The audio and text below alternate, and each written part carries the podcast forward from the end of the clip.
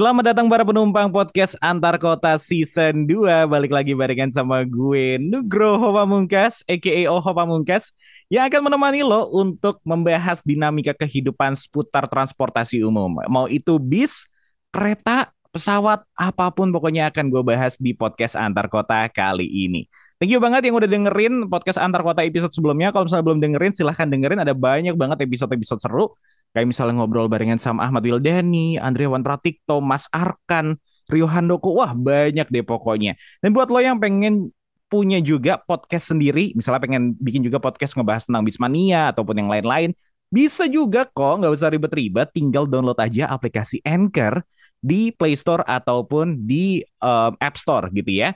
Karena Anchor ini gratis, terus lo bisa rekaman podcast di situ langsung, ngeditnya di situ langsung juga bisa, dan langsung bisa diupload ke berbagai macam layanan streaming yang menyediakan layanan podcast kayak misalnya Spotify, Google Podcast dan lain-lain. So, nggak ada alasan lagi kan buat belum memulai podcast lo sendiri, langsung aja download Anchor yang ada di Play Store dan juga App Store. Selamat datang Bapak dan Ibu yang terhormat, selamat datang di podcast Antar Kota. Woo! Sudah dibaca di judulnya yang kalian baca di aplikasi kalian sekarang. Gue akan mengundang satu pramugari yang luar biasa. Mungkin suaranya pernah lo dengar, pernah lo lihat juga, pernah barengan di perjalanan juga. Satu pramugari yang sangat-sangat terkenal dari Rosalia Indah. Please welcome, this is Ica. Halo, Ca. Hai Kak. Uhu, terica-ica finally datang ke podcast antar kota luar biasa loh. Sebelum aku mulai, aku pengen terima kasih banget buat teman aku Dimas Haryono, sang manianya pujaan hati yang bisa menghubungkan aku sama Ica. Kayak aku awalnya emang udah pengen banget gitu bisa podcast barengan sama pramugari bis, tapi pengennya sih Ica sekalian gitu. Tapi apakah bisa? Ternyata bisa dong. Bisa dong, tapi kenapa nggak langsung nge-DM aku langsung, Kak? Ya. Kenapa harus lewat Dimas? Em, yang pertama malu, yang kedua kalau misalnya aku nge-DM langsung ditanyain ibu negara nih, ngapain nge-DM DM Ica? Oh, sorry, sorry, sorry. Tapi aman, aku udah izin sama ibu negara juga dan dia justru excited banget gitu. Eh, Dia juga titip pertanyaan, nanti aku mau tanyain juga ke kamu. Wah, super excited untuk ngobrol barengan sama Ica. Aku apa juga kabar, Ca? excited banget. Apa kabar, Ca? Alhamdulillah baik. Alhamdulillah baik. Nah, berarti ini aku ganggu waktunya lagi libur ya, Ca? Emang lagi libur akunya. Lagi libur. Tapi biasanya emang eh, berapa PP baru libur atau sebenarnya bebas aja jadwalnya? Kalau ini sebenarnya fleksibel sih. Kalau Mm-mm. misalkan emang udah capek dan emang udah banyak banget dapat PP-an, biasanya kalau request libur atau standby gitu bisa langsung ke pengurusnya. Oke, jadi itulah sedikit kehidupan tentang eh, pramugari Rosalia Indah, pramugari bis ya secara umum ya. Tapi aku pengen kenal lebih dalam dulu tentang Ica. Ca, sebenarnya Boleh. kamu kelahiran tahun berapa dan asal dari mana sih? Kalau kelahiran tahun berapa tuh udah banyak banget sering ditanya sama orang-orang ya. Ah. Aku tuh kelahiran tahun 2003. Aku asalnya dari Jakarta. Idih, saya merasa tua sekali di sini. Masa sih? Berarti Apa asal jangan-jangan aku? enggak lah, aku 96 kan jadinya Pak Om manggilnya, enggak ya? Om, om, iya om. Jangan dipanggil Om juga sih. Eh tapi asalnya berarti dari Jakarta ya, Cak? Aku udah di Jakarta, Kak. Wah, katanya sih aku sempat lihat salah satu trip report yang nanyain tentang asal kamu Jaksel katanya. Aku Jaksel. Wih. Sampai SMP tuh aku di Jakarta. Terus Mm-mm. pas lulus SMP, pas ke SMA, aku SMA-nya pindah ke Pasuruan. Jadi mulai kelas 1 SMA udah masuk Jawa Timur. Ah, I see. Jakselnya dulu di di sekitaran daerah mana tuh, Cak? Manggarai, tahu nggak? Tahu Wish. dong pasti. Nggak ikut nggak ikut tawuran dong. Enggak dong, kan aku masih anak baik-baik.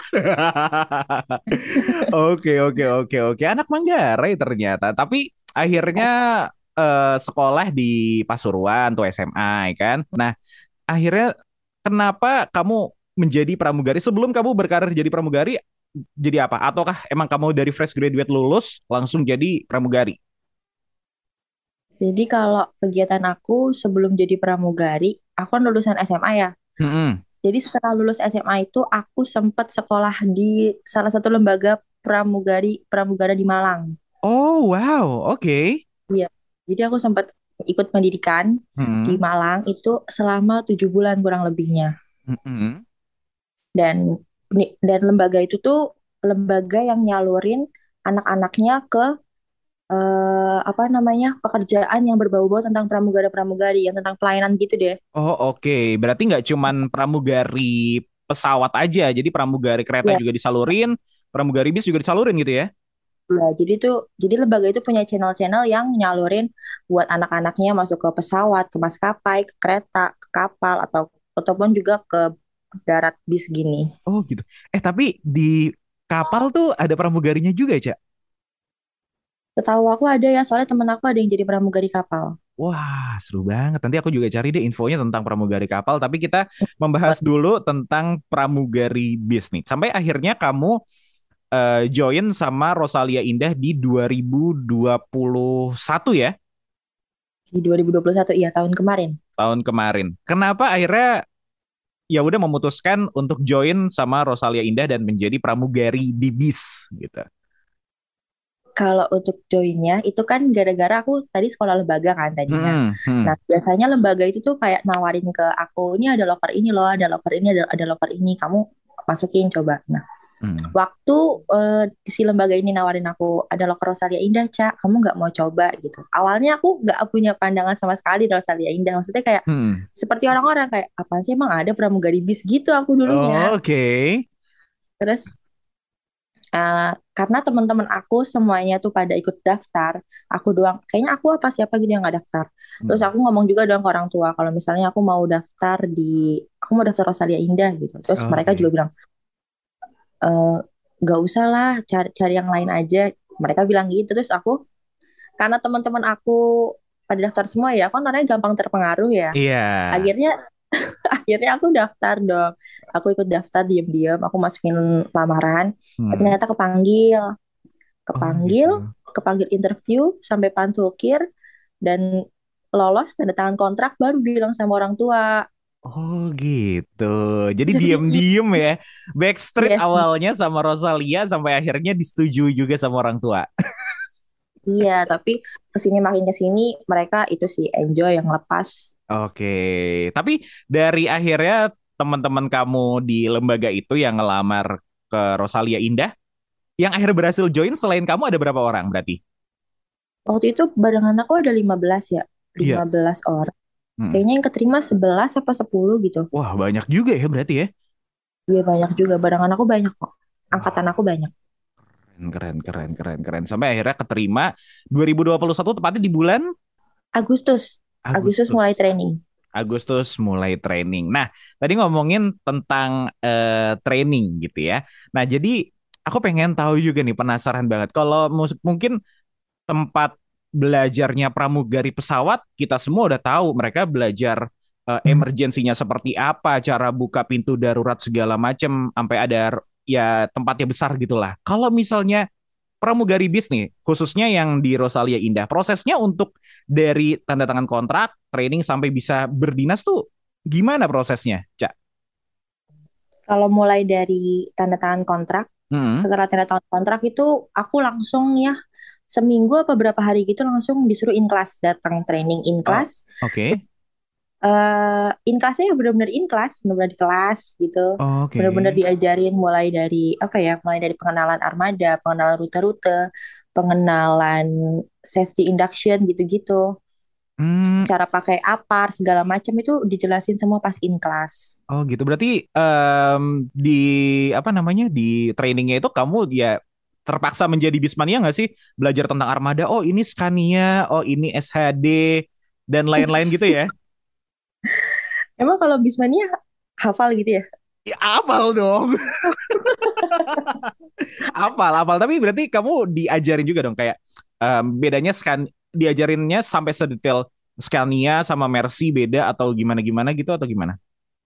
Tentang Mungkin armada. kalau pramugari pramugara tuh diajarinnya tentang kebanyakan tentang pelayanan sama tipe bukan tipe-tipe ya, maksudnya apa ya? Ya pembeda lah antara ya pasang nggak tahu sih Volvo, Scania, Mercy, ya cuma sekedar gitu doang. Oh, Aku oke. belajar panel-panel juga mungkin cuma panel-panel lampu armada aja, Oh nyalain lampu iya gimana, sih. tidur gimana, gitu-gitu aja sih. Oh iya sih, bener sih. Kalau misalnya nggak diajarin panel apa panel lampu di kabin ya bingung juga. Banyak banget kan tombolnya.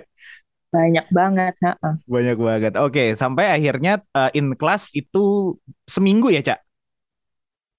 Enggak dong, aku in class itu kemarin satu kurang lebih satu bulan setengah. Wow, satu bulan setengah. Lama juga ya materinya pokoknya Iya, dari safety, hospitality, armada mm-mm. gitu-gitu ya. Iya.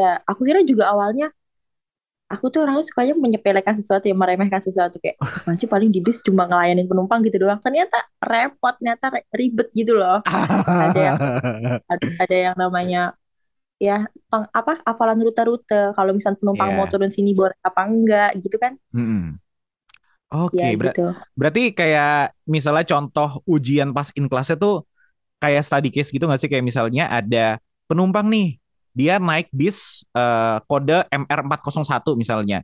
Dia pengen turun di Kalideres, bisa atau tidak gitu ya? Eh, pertanyaannya nggak kayak gitu sih Oh pertanyaannya lebih tapi lebih gimana?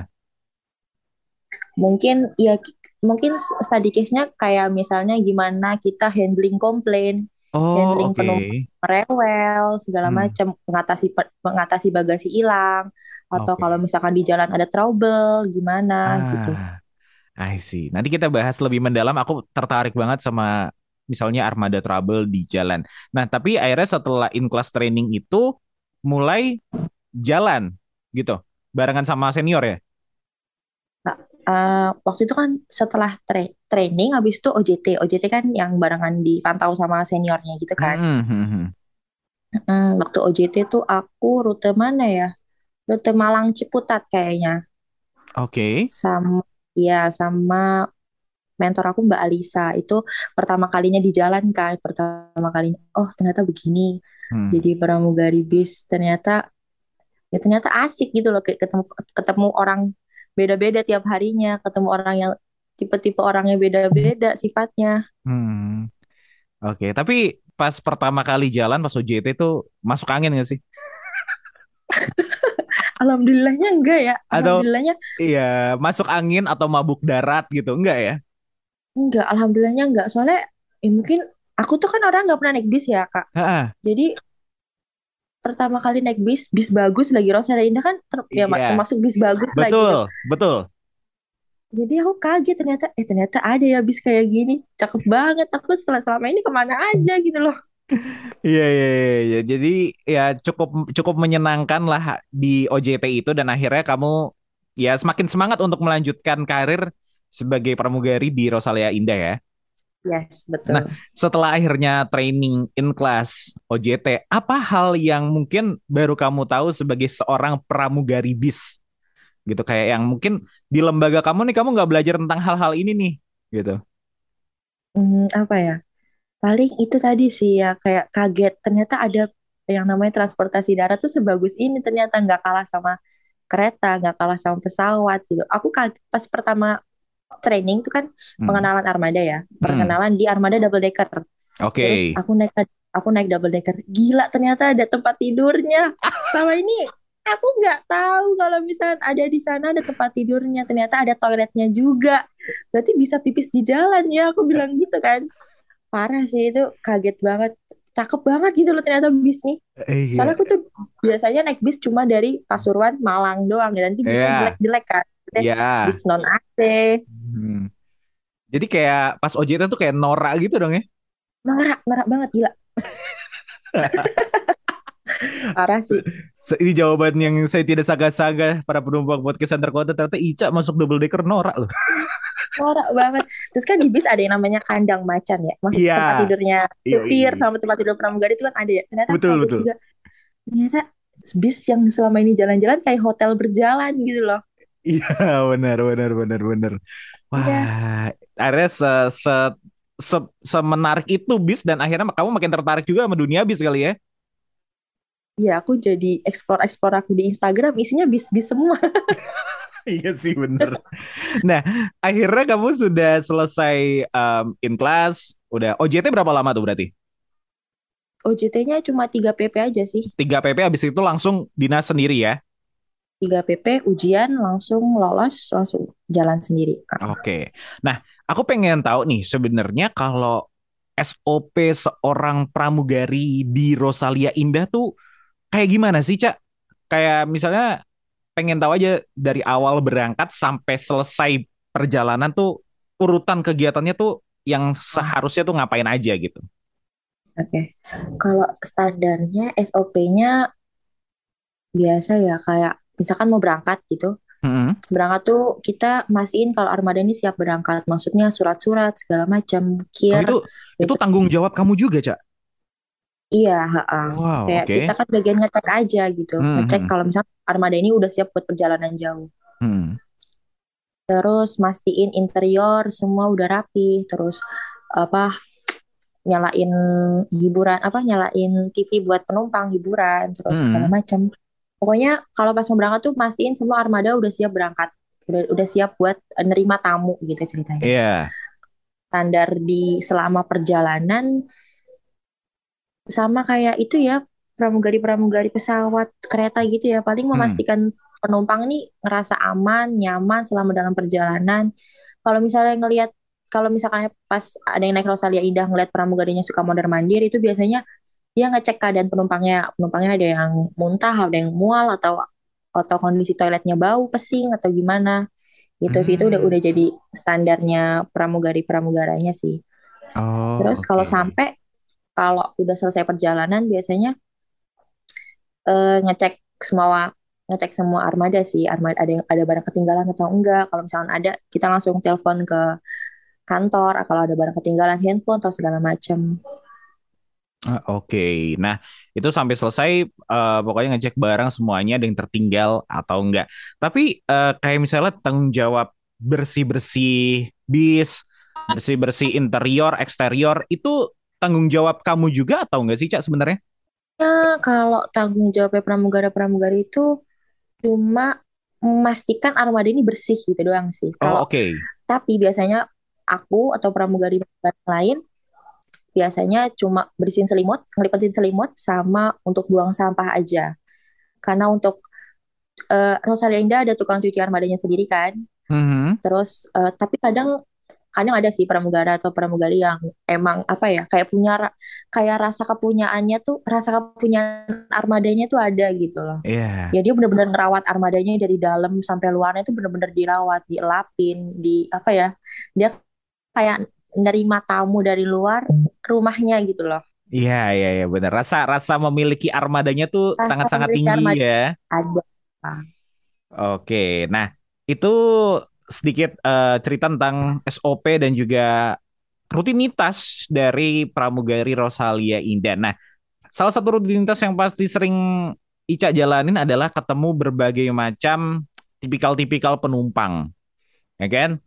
Terus juga Iya. pastinya udah ngejalanin berbagai macam rute. Trenggalek sempet, Malang sempet. Sekarang lagi di Madiun eh, megang rute Madiun ya, Cak? Apa muter terus? Aku muter, selalu muter. Kalau pramugari nggak ada yang batangan sih. Nah, tuh muter lah berbagai macam rute udah dicobain. Ingat nggak? Ataupun mungkin tipikal-tipikal penumpang setiap kota kamu bisa melihat nggak kayak oh kalau misalnya penumpang ke arah Malang orang-orangnya kayak gini, Trenggalek ke arah Trenggalek kayak gini, ke Madiun gini-gini itu kamu udah apal belum, Cak? Kalau untuk tipe-tipe penumpangnya ya, aku Eh, nggak terlalu hafal. Cuman mungkin yang bisa, kalau bahasa Jawanya tuh dititeni itu eh, hmm, penumpang yang mahasiswa-mahasiswa dari Malang yang rumahnya di Jakarta. Itu bisa banget diapalin gitu loh. hmm, diapalin Karena mukanya, Cak? entah mukanya ya atau pokoknya apal aja gaya, gaya, ga- dari gaya dia berangkat, dari gaya dia ngomong itu kelihatan banget kalau mungkin mahasiswa yang kuliahnya di Malang, entah di UB, UM, yang rumahnya di Jakarta gitu. Biasanya aku sering dapat penumpang gitu. Bahkan Oh, aku oke. lucunya pernah dapat kenalan penumpang sama sama penumpang mahasiswa juga. Hmm, mahasiswa Ya, mahasiswi nih? mahasiswa dong. Wih, asik, asik, asik, asik, asik. Ya kan bonus ya kan? Tiap hari kita ketemu orang Iya, beda-beda, ya bener. Ya nggak apa-apa. Iya, nggak apa-apa kan kenalan doang ya. Yoi. Kan kenalan doang, ya kan. Terus akhirnya ya dapat dapat kenalan oh masih banyak nih kayaknya cerita-cerita seru nih. Boleh cak. Kayaknya selain pernah kenalan sama anak kuliahan di Malang pengalaman apa lagi mungkin yang memorable banget sampai sekarang menurut Ica nih? Eh, kan kalau bawa super top itu bangkunya seatnya cuma 21 ya dikit.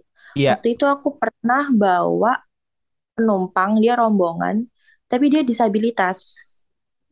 oh wow. Jadi ada yang mungkin maaf ya, ada yang mungkin pincang, ada yang mungkin nggak punya tangan segala macem. Itu dia naik bis aku, terus aku bantuin untuk ngangkat apa, ngangkat mereka sama ngangkat kursi rodanya itu aku ngerasa berguna banget jasaku gitu loh. Senang aja bisa bantu mereka yang kekurangan kayak gitu. merinding loh cak dengernya cak itu eh, Iya, rute rute mana cak waktu itu cak waktu itu mereka naik dari Pulau Gebang turun di Solo. Dan itu oh dan itu aku taunya dia katanya ada komunitasnya gitu, komunitas orang-orang yang mungkin berkete, ber- berkebutuhan khusus mm yang seperti oke itu. Mm-mm. Wah, keren banget sih itu. Itu satu jawaban yang juga gue tidak tidak tidak apa ya, tidak sangka-sangka. Ternyata pernah ya. Se satu Pernah. bener-bener literally satu bis itu teman-teman disabilitas semua ya. Enggak, isinya kan super top isinya 21 ya. Mm-mm. Dia orang 12 apa 11 gitu. Oh iya, Kan tetap seenggaknya kan, iya tetap setengahnya. lumayan banyak sih ya. Tapi ini Iya. sebagai bukti bahwa Rosalia Indah bis yang sangat ramah di teman-teman difabel ya. Iya. Teman-teman pramugari-pramugara pastinya siap untuk membantu teman-teman yang difabel naik armada Rosalia Indah. Nah, Iya, selain betul. pengalaman itu, ada nggak yang pengalaman horor mungkin, Cak? Kayak ngitung penumpang kok lebih satu gitu-gitu. Kalau itu alhamdulillah aku nggak pernah. Oh, enggak ya? Dan nggak pengen juga sih sebenarnya. Ya semoga aja enggak ya, semoga aja Iya. enggak. Tapi aku yang juga punya pertanyaan yang ini, wah selalu terngiang-ngiang di otakku kalau misalnya ngeliat pramugari. Kalau misalnya em, udah selesai sampai tujuan, ataupun mungkin perpal gitu ya, Nah, ini tidur atau istirahatnya di mana, Cak? jadi kalau Rosalia Indah itu kita tuh disediakan mes sama perusahaan. Mm-mm. ada mes untuk awak bis ya untuk supir pramugari sama askap itu ada jadi nggak perlu khawatir kita nggak bakal tidur di bagasi atau di terminal karena Iya. udah disediakan sama perusahaan ini mes untuk kita kita awak bis entah itu yang perpal atau yang emang udah sampai tujuan gitu Oke, jadi ya nggak usah nggak usah apa ya bingung teman-teman kalau misalnya ngelihat kayak, aduh kasihan pramugarinya nanti tidur di bagasi, tidur di kandang macan iya atau di mana ya mereka tidak sudah tidak difasilitasi. Tapi pernah nggak tidur di bagasi? alhamdulillah nggak pernah ya. Mantap, mantap, mantap, mantap, mantap, mantap. Berarti memang sangat-sangat dijaga kesehatan dan juga kenyamanan dari para krunya itu sendiri. Nah, aku juga pengen nanya nih, Cak. Hubungan yang aku juga selalu bertanya-tanya kayak eh, pramugari kan muda-muda nih, cewek-cewek nih. Terus juga menjadi suatu hal yang bisa dibilang baru lah di Rosalia Indah. Meskipun dulu sempat di 2017 atau berapa gitu kan ada pramugari terus hilang akhirnya mulai ada lagi di tahun-tahun belakangan ini. Gimana caranya menjaga hubungan antara pramugari sama kapten ataupun askap yang bertugas nih? Maksudnya batasan-batasannya atau gimana Iya, mungkin batasan-batasan atau gimana caranya biar kapten dan askapnya seneng juga atau ya gimana lagi biar perjalanan enak gitu.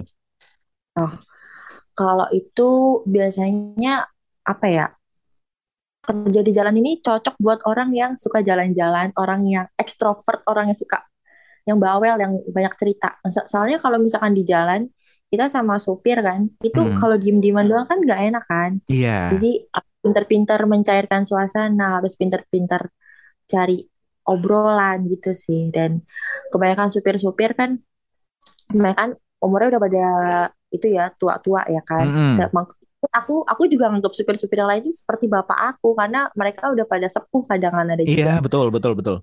Ya, jadi aku lebih me, apa ya memposisikan kalau aku aku tuh sebagai anaknya mereka gitu loh. Aku kerja bareng Hmm. bapak aku gitu. Aku gitu sih aku kalau bawa diri aku.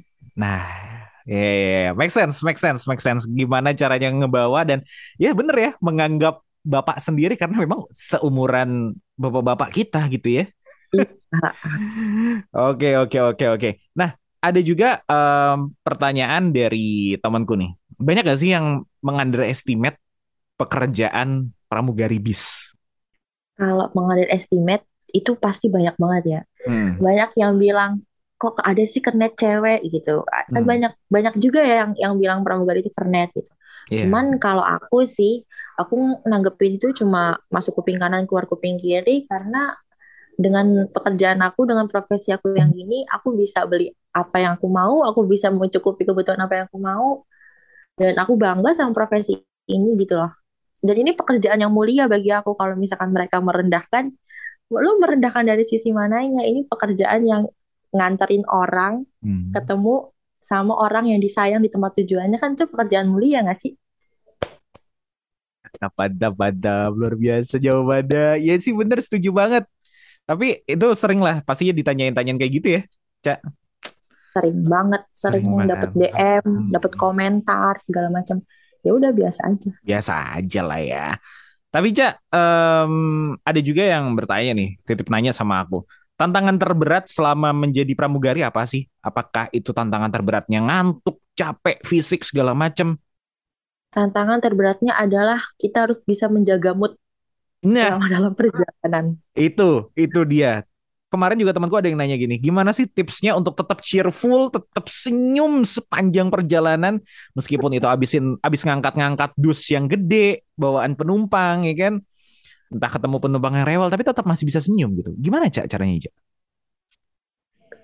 Aku aku soalnya berpikirnya kan aku kerja dibayar, aku harus bisa apa profesional lah Hmm. Mes- meskipun apa penumpangnya ngeselin atau barang-barang yang berat-berat yang kamu bantu ngangkatin gitu. Iya. Aku aku tetap ya tetap senyum meskipun abis itu aku gerundel ya, tapi tetap penumpang tetap ya senyum aja lah. Ya, tetap full aku senyum aja ya. yes full senyum. Oke, nah ini aku tadi juga udah nanya sama ibu negara aku, dia titip pertanyaan nih. Gi- Gimana caranya untuk ngilangin ngantuk dan bosen sepanjang perjalanan? Karena kita penumpang aja kadang merasa bosen dan ngantuk, apalagi kamu, Cak, gitu. Kalau untuk ngilangin ngantuk, Iya. aku biasanya dengan bosen ngilangin ngantuk biasanya handphonean sih. Handphonean ngeliat TikTok terus ngobrol sama supirnya.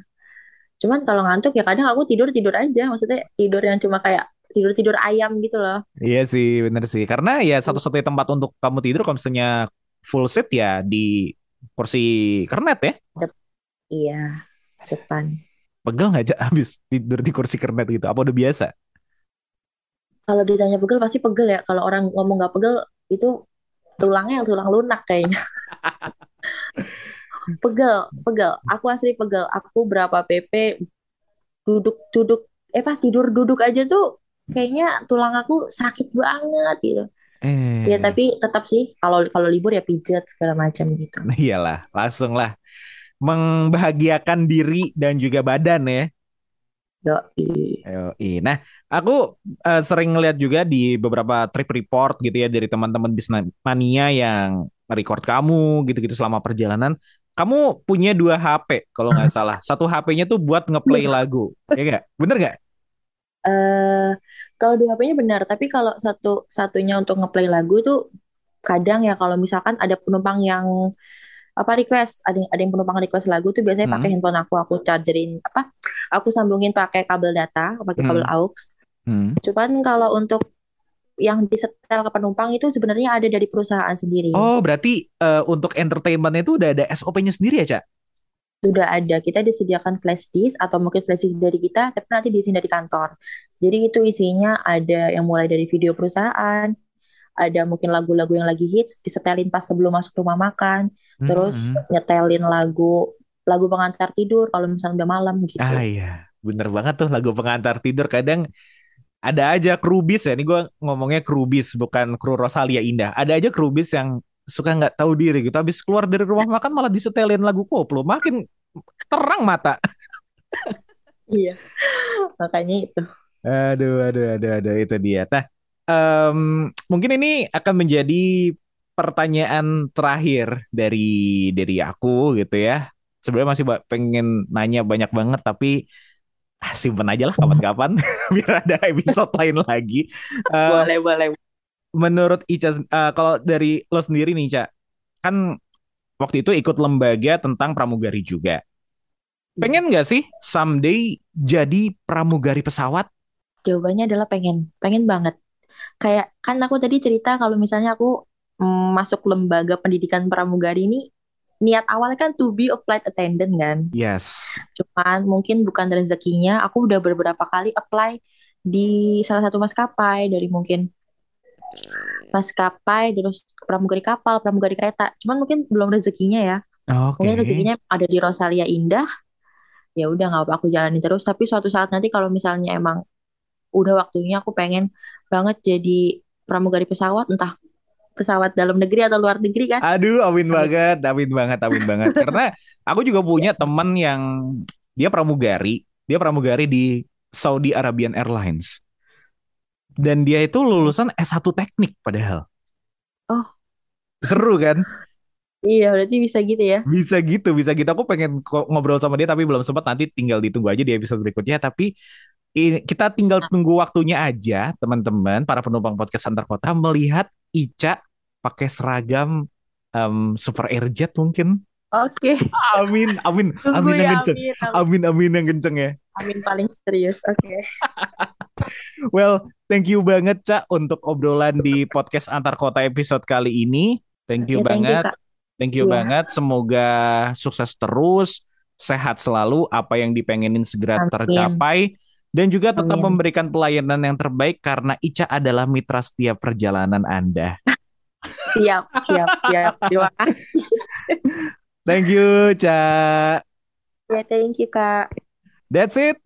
Para penumpang podcast antar kota, itulah keseruan obrolan gue barengan sama Ica yang bikin kita semua jadi terica-ica. Kalau misalnya pengen tahu podcast berikut yang undang siapa, makanya jangan lupa untuk follow Instagram gue at oho.pamungkas atau bisa juga ke Twitter at ohopamungkas, S-nya 3. Yang mau request uh, ngundang siapa, silahkan tulis aja di situ. Nanti gue akan baca dan gue usahakan untuk mengundang mereka. Thank you for listening podcast antar kota. Sampai jumpa di perjalanan berikutnya.